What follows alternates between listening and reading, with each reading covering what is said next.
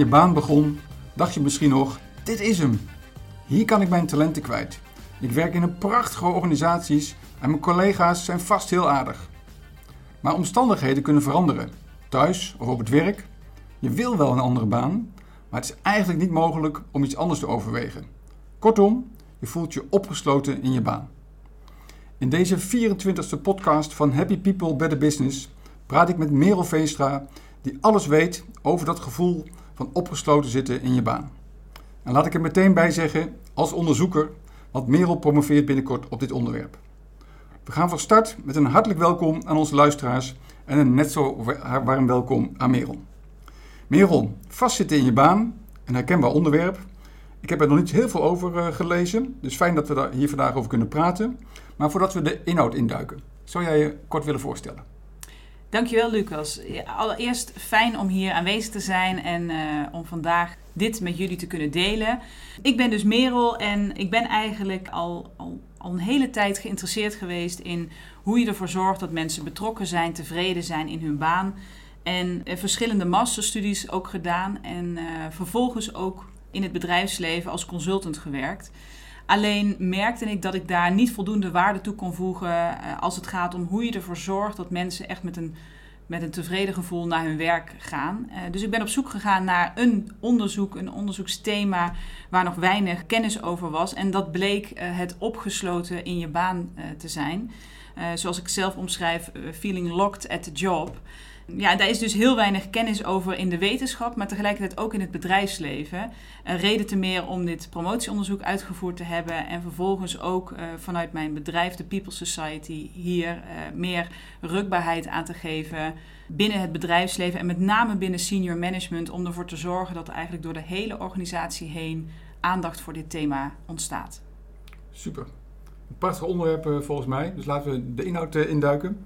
En dat gevoel van uh, opgesloten zitten in je baan, zou je eigenlijk willen aangeven, waar hebben we het dan precies over? Dus dan, ik kan er wel iets bij voorstellen, maar hoe moet ik het afbakenen? Nou, zoals ik het zelf afbaken is dat het bestaat uit twee dimensies. Je zit vast, je voelt je letterlijk in een spagaat zitten, omdat je enerzijds uh, niet intern binnen de organisatie je meer op je plek voelt. Zoals ik het omschrijf is, je bent niet meer tevreden in de baan die je uitvoert. En tegelijkertijd uh, heb je het gevoel en de perceptie dat je ook niet ergens anders naartoe kunt, omdat je bijvoorbeeld je te oud voelt of al ergens te lang werkt, waardoor je eigenlijk niet meer grip hebt op de huidige arbeidsmarkt en denkt dat je dus daardoor niet van baan kan veranderen. Dus het zijn twee aspecten die eigenlijk tegelijkertijd in een, ja, in een rustige situatie zich uh, voordoen en vervolgens je eigenlijk tot de conclusie komt dat je in zo'n situatie beland bent en eigenlijk vaak niet weet hoe je er ook weer uit moet komen. Mooie, heldere omschrijving. Ook heel, heel herkenbaar, eh, denk ik. Je hebt onderzoek gedaan. Sterker nog, je gaat er binnenkort op eh, promoveren. Wat heb je precies onderzocht? Nou ja, zoals ik net al aangaf, het is een, een thema wat vooral in de wetenschap, maar ook in het bedrijfsleven dus heel weinig, waar heel weinig kennis over is. En daarom wilde ik juist die, dat, dat raakvlak tussen beide aspecten heel erg benaderen.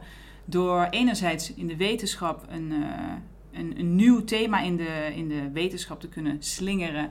En te kijken naar wat er in de wetenschap op beschikbaar was. Dus wat we in eerste instantie hebben gedaan, is we hebben negen gerelateerde constructen gevonden. Die allemaal in relatie staan met het opgesloten voelen of het niet tevreden voelen en niet vertrekken in je baan. En even voor niet-wetenschappelijk onderlichten, wat zijn constructen? Uh, uh, variabelen, andere vergelijkbare factoren die dus ja, die daarnaar kijken. Dus negen onderwerpen, variabelen die ja. een rol spelen bij dat gevoel van vastzitten in je baan. Precies. En ja, allemaal vergelijkbare onderwerpen die dus allemaal op een diverse manier kijken naar hetzelfde thema, eigenlijk allemaal hetzelfde zijnde. Ja, feeling stuck, opgesloten voelen en niet in beweging komen. En ja, wat we zagen in de wetenschap is dat er eigenlijk helemaal niet samengewerkt werd tussen die related constructs, die gerelateerde constructen. Dus dat er heel veel wetenschappers zijn in de wereld die naar dit thema kijken, of eigenlijk niet heel veel, maar veel verschillende. En die dus eigenlijk niet met elkaar samenwerken en ook niet kennis met elkaar delen. Uh, dus reden te meer om die kennis te delen en te bundelen en uh, voor één overkoepelend concept te, te, kiezen. Dus daar ben ik mee begonnen. Eerst die, uh, die, die review en vervolgens hebben we een conceptueel model ontwikkeld waarin we dus het opgesloten voelen in je baan hebben ja, in kaart hebben gebracht door te kijken naar wat, wat voor mogelijke oorzaken het kan hebben, hoe het, zich, hoe, het zich, hoe het ontstaat en ook wat voor theorieën daar verder omheen hangen en ook weer ja, wat voor gevolgen zo'n situatie kan hebben. En toen we dat in kaart hadden gebracht, zijn we eigenlijk zelf uh, op onderzoek uitgegaan en uh, hebben we onder andere oorzaken en gevolgen in kaart gebracht. En dat hebben we eigenlijk gedaan op kwantitatief niveau, dus door enquêtes uit te zetten, maar ook op kwalitatief niveau. Waar ik zelf wel heel tevreden over ben, over die kwalitatieve studie, omdat daar eigenlijk het hele proces van wat mensen doormaken in zo'n situatie in kaart is gebracht. Dus we hebben mensen uh, bevraagd die aan hadden gegeven dat ze dit in het verleden of in de, in de huidige situatie uh, ervoeren. En die mensen zijn we eigenlijk uh, middels interviews helemaal gaan, ja, die hele situatie in kaart gaan brengen. En ja, daardoor hebben we eigenlijk een heel mooi proces in kaart kunnen brengen van wat beweegt die mensen nou dat ze in zo'n situatie terechtkomen. En vervolgens ook wat zijn de, de verschillende maten waarin ze in zo'n situatie zitten. En wat we bijvoorbeeld vonden was dat mensen op verschillende niveaus zo'n situatie kunnen ervaren. Low, medium en high locked individuals. En daar zat een groot verschil tussen in hoe die mensen door die periode heen gingen, hoe lang de duur was dat die mensen zo'n periode meemaakten. Maar ook met name voor de organisatie zelf, wat ze uiteindelijk, uh, wat dat voor gevolgen voor een organisatie kan hebben als mensen dus high-locked zijn, dus uh, in hoge mate zich opgesloten voelen en daardoor dus ook allerlei andere aspecten ja, de kop op komen doen doordat mensen zich ja, sommige mensen kregen zelfs een depressie of, een, of kregen met een burn-out te maken. Waardoor dus ja, het heel belangrijk is dat dit thema verder onder de aandacht wordt gebracht. Dus als ik het goed begrijp, uh, er was eigenlijk nog niet een, in mijn woorden een model over dat gevoel van opgesloten zitten in je uh, baan. Er zijn wel allerlei elementen die daarmee te maken hebben. En jij hebt eigenlijk gekeken van hoe kunnen we daar een model van maken om het vervolgens ook in de praktijk te toetsen of dat klopt. Klopt helemaal, ja. Oké. Um, en ik vond het heel interessant. Je zei van, hey, we vonden onder andere dat je dat op verschillende manieren kan ervaren. Low, medium, high. Kun je daar nog iets meer over vertellen? Want dit gaat even over de kant van de medewerker. Ja. Wat is dan het verschil tussen medewerkers die dat een beetje voelen, gemiddeld of hoog? Nou, we zijn eigenlijk gaan kijken uh, naar, die, naar die hele groep. En daar moet ik erbij zeggen, dat waren natuurlijk mensen die dus uh, tot de groep behoorden die het al mee hadden gemaakt. Dus die al die hele situatie zeg maar doorlopen hadden. Ja. En um, ja, toen viel het eigenlijk al heel erg sterk op dat er een hele grote groep zat die dus uiteindelijk in een burn-out terechtgekomen waren. En voor mij was dat een hele belangrijke openbaring uh, en een belangrijke bevinding van dit onderzoek. Dat er dus zo'n sterke relatie is dus tussen het, het, het, zo voelen in een organisatie. En dat je dus uiteindelijk je zo stuk, zo opgesloten voelt, dat je met een burn-out te maken krijgt. En vanuit dat perspectief zijn we vervolgens gaan kijken van oké, we hebben dus een groep die het dus heel zwaar hebben en die dus heel zwaar in zo'n situatie zitten. Die dus met een burn-out te maken krijgen, depressieve klachten krijgen. En um, ja, wat, wat voor verschillen kunnen we nou verder nog zien in die andere groepen? En in die andere groepen zagen we met name dat uh, die medium-locked individuals, dat waren mensen die, uh, die wel aangaven dat ze met moeite uh, de dag doorkwamen en dat ze met een vervelend gevoel opstonden en ja, eigenlijk wel de hele dag daarmee bezig waren. En de low-locked individuals waren eigenlijk mensen die daar ja, die wel een beetje stress ervoeren, maar die verder ook het er niet te zwaar aan trokken en ja, niet een te groot probleem van maakten. Oké. Okay. En als we dan nog één stapje teruggaan, misschien even voor, voor, alle groepen. Wat was er dan gebeurd waardoor ze dat gevoel hadden? He, want ook mensen zeggen, joh, weet je wat, uh, misschien moet je een extra training volgen en dan is dat misschien weer opgelost. Of nou, als je nou uh, een andere baan krijgt binnen de organisatie. Of wat is er dus aan vooraf gegaan waardoor mensen dit voelen? Ja, ik hoor je al een hele hoop dingen zeggen. Oh. er zijn een, natuurlijk, zoals ik net ook aangaf, een hele hoop factoren die ervoor toe kunnen leiden dat je je zo gaat voelen. En um, met name die tevredenheid. Er zijn heel veel factoren waardoor mensen dus zich ontevreden gaan voelen. Uh, en dat kan met verschillende factoren te maken hebben. Bijvoorbeeld doordat mensen uh, zich niet gewaardeerd voelen in hun baan. Of dat ze niet voldoende uitgedaagd worden in de baan die ze uitvoeren. Maar het kan ook zo zijn dat ze bijvoorbeeld een conflict met hun manager krijgen. Waardoor ze dus uiteindelijk uh, ja, zich ontevreden in die situatie gaan voelen. En eigenlijk ja, een beetje simultaan ook tot de conclusie komen van... hé, hey, uh, ja, ik kan eigenlijk ook nergens anders naartoe. Althans, dat gevoel heb ik. Omdat er dus bepaalde factoren zijn die, uh, die mijn, in mijn perceptie belemmerend zijn... om een nieuwe baan te gaan zoeken. En kun je over dat... Want het heeft met beide natuurlijk met elkaar te maken. Hè? Aan de ene, kant van wat ik nu meemaak op mijn werk vind ik niet heel prettig. Mm -hmm. Maar de tweede, daarom is ook dat onderscheid heel mooi... maar ik heb ook het gevoel dat ik niet weg kan. Ja. En waar zit dat in? Wat, wat voor elementen spelen daarbij een rol? Nou, wat wij, even één stapje terug, wat wij met name uh, hebben gevonden is dat, en, en tot de conclusie zijn gekomen, is dat er een, een soort van misfit, een error plaatsvindt bij mensen die zich zo voelen. En die vindt plaats tussen de, dit is een theorie, de person-environment fit theory. En deze mensen, die, daar ontbreekt het hem eigenlijk in het hebben van een fit. Deze mensen ervaren een misfit. Een misfit tussen wie zij als persoon zijn en wat zij vanuit de environment uh, achten dat dat goed is. Dus om dan even terug te gaan naar die uh, tevredenheid. Uh, je moet het zo voor je zien dat mensen bepaald, bepaalde waarden en normen hebben en daarom vinden dat zij op een bepaalde manier behandeld moeten worden door bijvoorbeeld hun manager. Maar tegelijkertijd vinden dat hun manager niet met de juiste waarden en normen over de brug komt, waardoor er dus een conflict ontstaat. Er is dus een misfit op dat tevredenheidsniveau. En datzelfde kan ook het geval zijn voor um, uh, het gebrek aan, uh, aan opportunities, aan mogelijkheden die men ervaart, doordat men bijvoorbeeld een bepaalde leeftijd heeft, maar alleen die leeftijd aan zich maakt niet dat er te weinig mogelijkheden zijn dat is de person factor, maar de environment factor, dus de omgevingsfactor, maakt dat die persoon het gevoel heeft dat met die leeftijd het niet haalbaar is om nog naar een andere ja. baan over te stappen. Oké. Okay. En dan even kijken naar de uh, factoren die ervoor zorgen dat mensen het gevoel hebben dat ze niet weg kunnen. Welke, wat zijn dan de elementen uh, waardoor je het gevoel hebt van, want ik kan best zijn, ik ben ontevreden, die tevredenheid is laag, maar dan ga ik er ergens anders naartoe. En mensen hebben dus toch het gevoel, de, de, de, de, ervaring dat ze denken dat dat niet kan. Wat speelt daarbij een rol? Ja, dat zijn dus ook weer helaas een hele hoop redenen. Mm -hmm. um, wat we met name zien is dus dat leeftijd en uh, ook het opleidingsniveau heel erg mee kunnen spelen. Dus dat je, doordat je in een bepaalde opleidingsschaal zit, het gevoel hebt dat je niet kunt verplaatsen en dat je met die baan, met, dat, met die kennis en kunde die je hebt, niet jezelf kunt verplaatsen. Um, en daarnaast ook uh, dat je bijvoorbeeld al vindt dat je te lang ergens werkzaam bent. Dus dat de, het arbeidsverleden wat je bij een bepaalde organisatie hebt, wat je vaak ziet bij grote corporates, dat er mensen werkzaam zijn die al jaren bij dat bedrijf zitten, dat ze van mening zijn dat ze met dat track record niet meer makkelijk ergens anders aan een baan kunnen komen. Yes. En zo zijn er nog legio ja, redenen dus hoor, die, ja. die, die naar voren kunnen komen. Maar um, nou, daar komen we straks denk ik wel even op, op terug. Hè? Ook van als je naar de organisatie, naar de medewerker kijkt, hoe kun je dat herkennen en wat kun je eraan doen? Eén stapje daarvoor nog.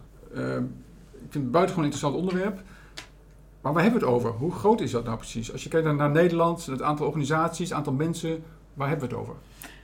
Nou, wat wij in onze studie uh, hebben gevonden is dat het percentage ongeveer tussen de um, 13 en 19 procent ligt. Dus dus laten we even op 15% zetten.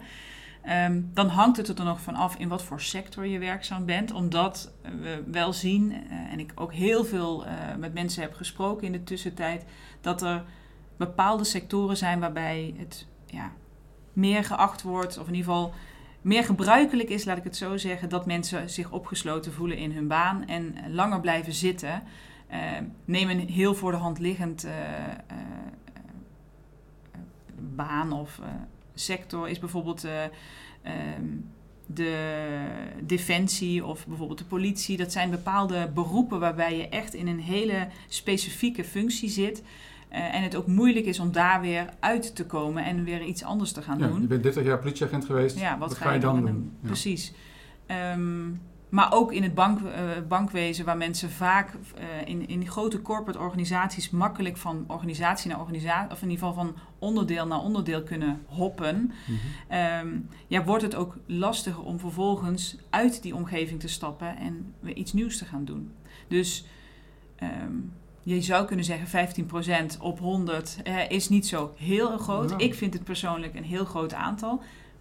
In de wetenschap dat, dat we, wat ik net ook zei, dat we verschillende gradaties van mensen hebben die zich dus opgesloten kunnen voelen. En met name die groep die uiteindelijk met een burn-out thuis komen te zitten, ja, die wil je in een organisatie niet hebben. Dat, dat, dat kost veel meer dan dat het uh, oplevert. Ja, en voor de medewerkers, je wil ook als, als werkgever, als goede werkgever niet dat je mensen uh, burn-out klachten krijgen of naar een burn-out toe uh, Nee, precies, precies. Het is voor de medewerker niet goed en, en ook niet voor de organisatie aan zich.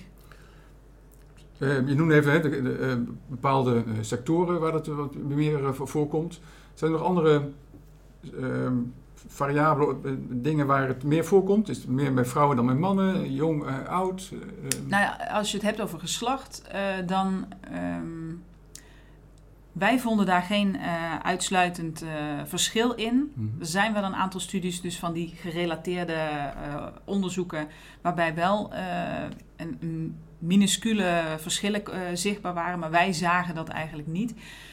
Wat we wel zagen is dat bijvoorbeeld leeftijd en het opleidingsniveau, dat dat heel erg afhankelijk is van of je dus je opgesloten, sneller opgesloten kunt voelen.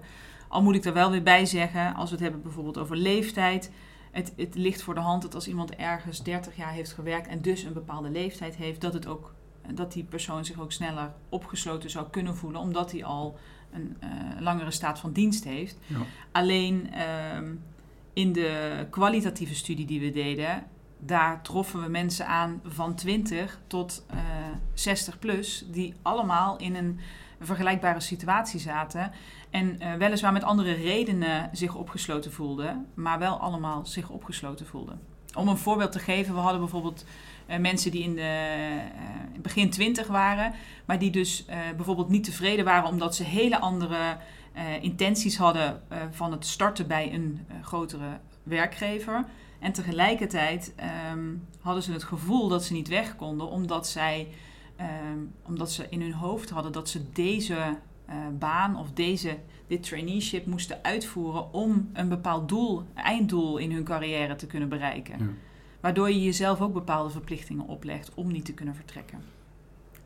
Ik vond het opmerkelijk dat jij uh, noemt dat ook hè, de jongeren daar last van hebben. Want je zou kunnen denken, de, wat het traditionele stereotype beeld is, dat millennials die hoppen van de ene baan naar de andere baan. Dus dat het ook in hun mindset het anders zou kunnen werken. Daar waar misschien mensen die inderdaad uh, 50, 60 zijn denken, joh, dat gaat, ging eigenlijk altijd zo. Je blijft bijna je hele leven bij één werkgever. Ja, alleen bij die millennials speelt ook weer een andere factor, namelijk dat, die, dat ze privé in een bepaalde situatie terechtkomen, waarbij ze net uh, zich willen gaan settelen, uh, een huis gaan kopen, et cetera. En daardoor bepaalde verplichtingen aangaan en dan ook het gevoel hebben dat, ze, dat die verplichtingsstandaard zeg maar, hoog gehouden moet worden, waardoor ze het gevoel hebben niet weg te kunnen. Ja.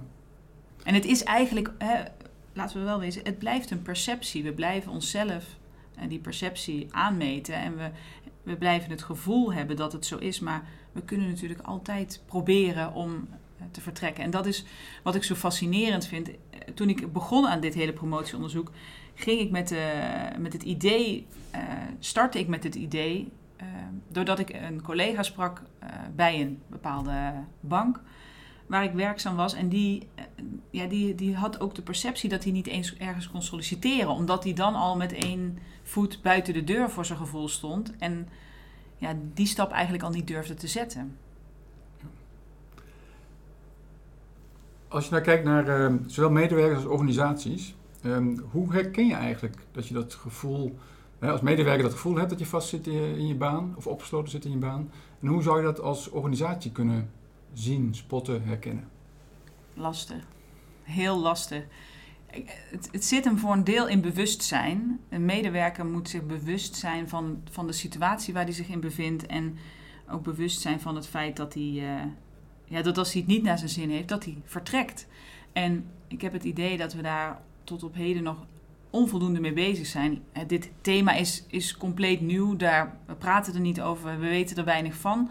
Maar tegelijkertijd um, ja, zijn we er ook niet mee bezig in, in, het, in het bedrijfsleven. En dat zou echt moeten gaan veranderen. Dus het begint bij een stukje bewustwording. Nou, ik gaf je net een op je plek check.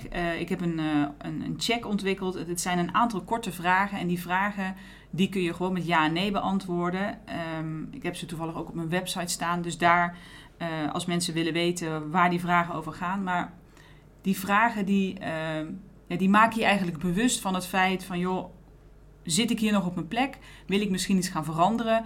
En ehm, eh, als je die vragen, het zijn vier vragen, als je daar meer dan één vraag met nee beantwoordt, ja, dan zul je dus echt moeten gaan nadenken over wat je anders wil gaan doen aan je baan. En laat ik heel duidelijk zijn, dat betekent niet dat je hoeft te vertrekken. Ehm, als je je opgesloten voelt, kun je, uh, heb je hebben we te maken met twee factoren. Bent niet tevreden en je ziet geen mogelijkheden. Maar het feit dat je dus daardoor maar moet vertrekken, ehm, ja, ligt voor mij veel te veel voor de hand en zou niet de directe oplossing moeten zijn.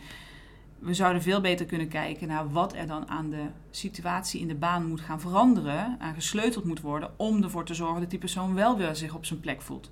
Dan voelt hij zich misschien nog steeds uh, heeft hij misschien nog steeds de perceptie dat hij weinig kanten op kan in de arbeidsmarkt. Maar hij kan in ieder geval wel happy op zijn plek zijn. Ja. En dat ondersteunen wij natuurlijk heel erg graag van het Happiness ja. Um, maar dat maakt het ook wel lastig, want ik kan misschien wel op een paar vragen nog zeggen, nou het gaat allemaal wel redelijk. Maar in mijn achterhoofd is het eigenlijk dat ik dat gevoel heb, en daar gaat het ook om, dat ik, ja, het zij niet buiten de organisatie kan, uh, kan gaan. Of dat ik binnen de organisatie misschien wel denk dat het heel lastig is. Dus het, uh, je hebt ook weer daarin twee, dat gevoel van uh, opgesloten zitten. Vraagt wel wat voor mij als medewerker om dat A te erkennen. En daar vervolgens over te gaan praten. Ja, en iets mee te gaan doen. Juist, want ik kan heel makkelijk praten. Joh, ik wil nog graag verder ontwikkelen. Of ja, ben je gelukkig op je werk? Nou, wel, wel, redelijk. Het gaat wel goed met de groep en blablabla. Maar dat, die andere kant erkennen is, lijkt me nog een, een behoorlijke opgave. Nou, en uit ons onderzoek kwam ook naar voren dat mensen ongeveer 2,5 jaar in zo'n situatie bleven zitten. Dat is best wel een lange tijd. En ehm, daarom is het ook. Hè, ik heb nu het promotieonderzoek uitgevoerd. Daarom wil ik ook hierna, vooral met de People Society, de focus gaan leggen op. Uh, als je naar dat hele proces kijkt van wat mensen doormaken, dat je in eerste instantie gaat kijken naar wat zijn nou die factoren die het veroorzaken. Dus om dat te voorkomen. Om vervolgens uh, de pieken die mensen doormaken, om die te verminderen. Dus uh, de, de, de heftigheid en de intensiteit te verminderen. Die hele situatie te verkorten. Dus daar de focus op te leggen van hoe kunnen we er nou voor zorgen dat we sneller signalen uh, in gaan zien van mensen dat ze, dus, dat ze zich zo voelen. En voor mij zit het daar echt voor een deel in de bewustwording. En vervolgens, en dat, dat raakt ook een beetje bij waar, waar jullie je hart voor maken, is hoe je vervolgens uit zo'n organisatie uh, stapt, als dat de oplossing zou zijn, maar hoe je vervolgens zo'n situatie beëindigt. En wat we heel veel zien, of wat ik heel veel zag in, in mijn onderzoek, is dat um, zodra je als medewerker aangeeft: ik wil hier weg, ik voel me niet op mijn plek of ik heb het even niet naar mijn zin, dat er vanuit organisaties heel vaak wordt gezegd: oké, prima, dan ga je maar. Alleen dat is niet waar die persoon op dat moment op zit te wachten. Die persoon die is daar nog lang niet klaar voor. En misschien over een week wel, maar heeft die inzichten nog niet, omdat hij nog niet weet wat hij hierna wil. En hij blijft vasthouden aan wat hij nu heeft, omdat het comfortabel is waar hij nu in zit. En juist vanuit een organisatieperspectief, van een werkgeversperspectief, is het belangrijk dat die medewerkers um, daarin begeleid worden en dat er dus. Eh, begrip wordt getoond door vanuit de hele organisatie dat mensen zich zo voelen. Ja, want het is ook in het belang van de organisatie, want wat jij ook al aangaf, je hoeft niet per se naar buiten toe. Uh, misschien kunnen we kijken ehm, of er een andere baan binnen onze organisatie uh, veel beter bij je past. Precies, ja. En, en ehm, daar wordt volgens mij onvoldoende naar gekeken. Naar, kijk, want als we meer vanuit de persoon zelf gaat kijken naar wat wil jij nou als persoon en waar liggen jouw ambities, uh, ja, dan, dan vinden er misschien wat meer uh, verschuivingen plaats. Maar dan hebben we wel te maken met mensen die veel meer op hun plek zijn, die tevreden zijn en die ook uh, meer uit hun, waar, waarbij er meer capaciteiten van hunzelf gebruikt worden en tot hun recht komen. Ze zijn productiever, meer betrokken en ehm, ja, ze, ze staan ook meer in voor de organisatie. Ja.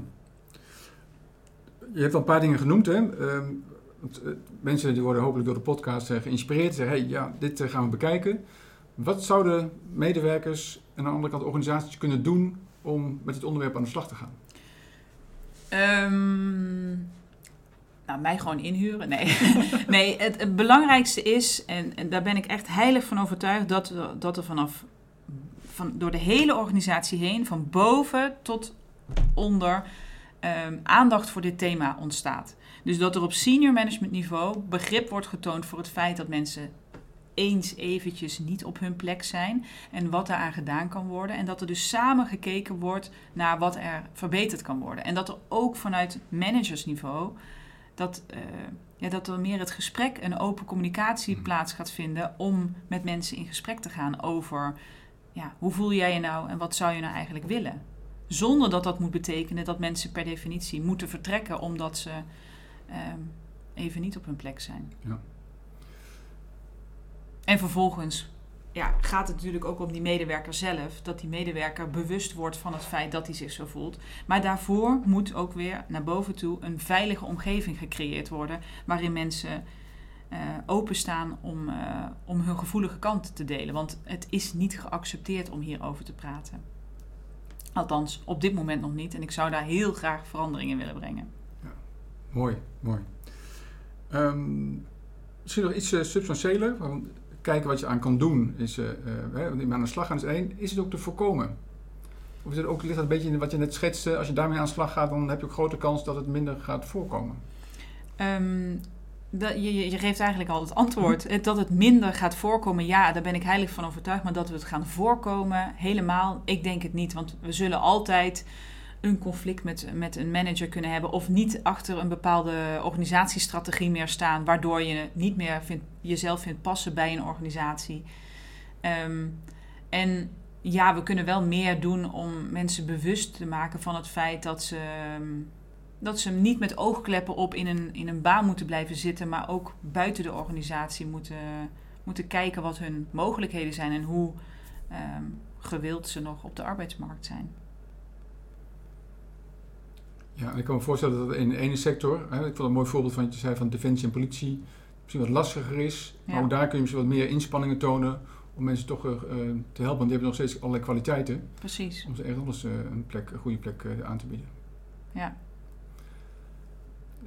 Je hebt al heel veel gezegd. Ehm, wat zijn er andere tips die misschien niet voorbij zijn gekomen van, je denkt, goh, maar dat zou je als medewerker, dat zou je als organisatie heel goed kunnen, kunnen oppakken? Of waar- of mee aan de slag eh, kunnen gaan? Nou ja, niet zozeer een, een tip, maar wel een, een, eh, ja, een, giveaway van wat er uit mijn onderzoek is gekomen. En dat is dat er een eh, ontzettend groot taboe heerst op dit thema.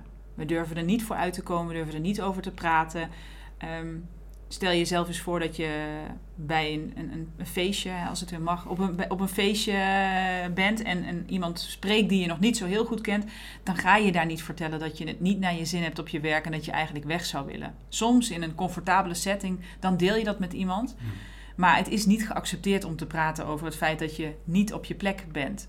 Ehm, en heel die social media pressure, die ervoor zorgt dat we het allemaal maar perfect moeten hebben en alles leuk moeten, moeten hebben, dat, dat werkt niet mee in deze situatie. Dus ik zou echt heel graag willen dat we, dat, we, dat we er meer voor open gaan staan dat we niet op ons plek zijn en dat we de taboe om dit thema heen wat meer gaan doorbreken. En ik vergelijk het een klein beetje met, eh, met een burn-out. En dan niet de burn-out aan zich, maar hoe we met dat thema in de afgelopen jaren om zijn gegaan. Eh, ik zou echt heel graag willen dat we, zoals we met dat thema zijn omgegaan, hoe dat thema is gegroeid en steeds geaccepteerder is in de organisatie, dat dit thema, het opgesloten voelen in je baan, dat dat ook ja, dat er steeds meer over gesproken gaat worden en dat het geaccepteerder gaat worden dat je nou eenmaal in, zo'n- in zo'n situatie kan zitten. Ehm, en en ja, dat, er dan, dat je dan hulp krijgt in plaats van dat je dat in je eentje moet doen. Nou, wat dat betreft, A, ik denk dat het een, heel mooi advies is. Ehm, ik zie ook wel om me heen dat er steeds meer organisaties zijn die ehm, het goede gesprek eh, centraal stellen.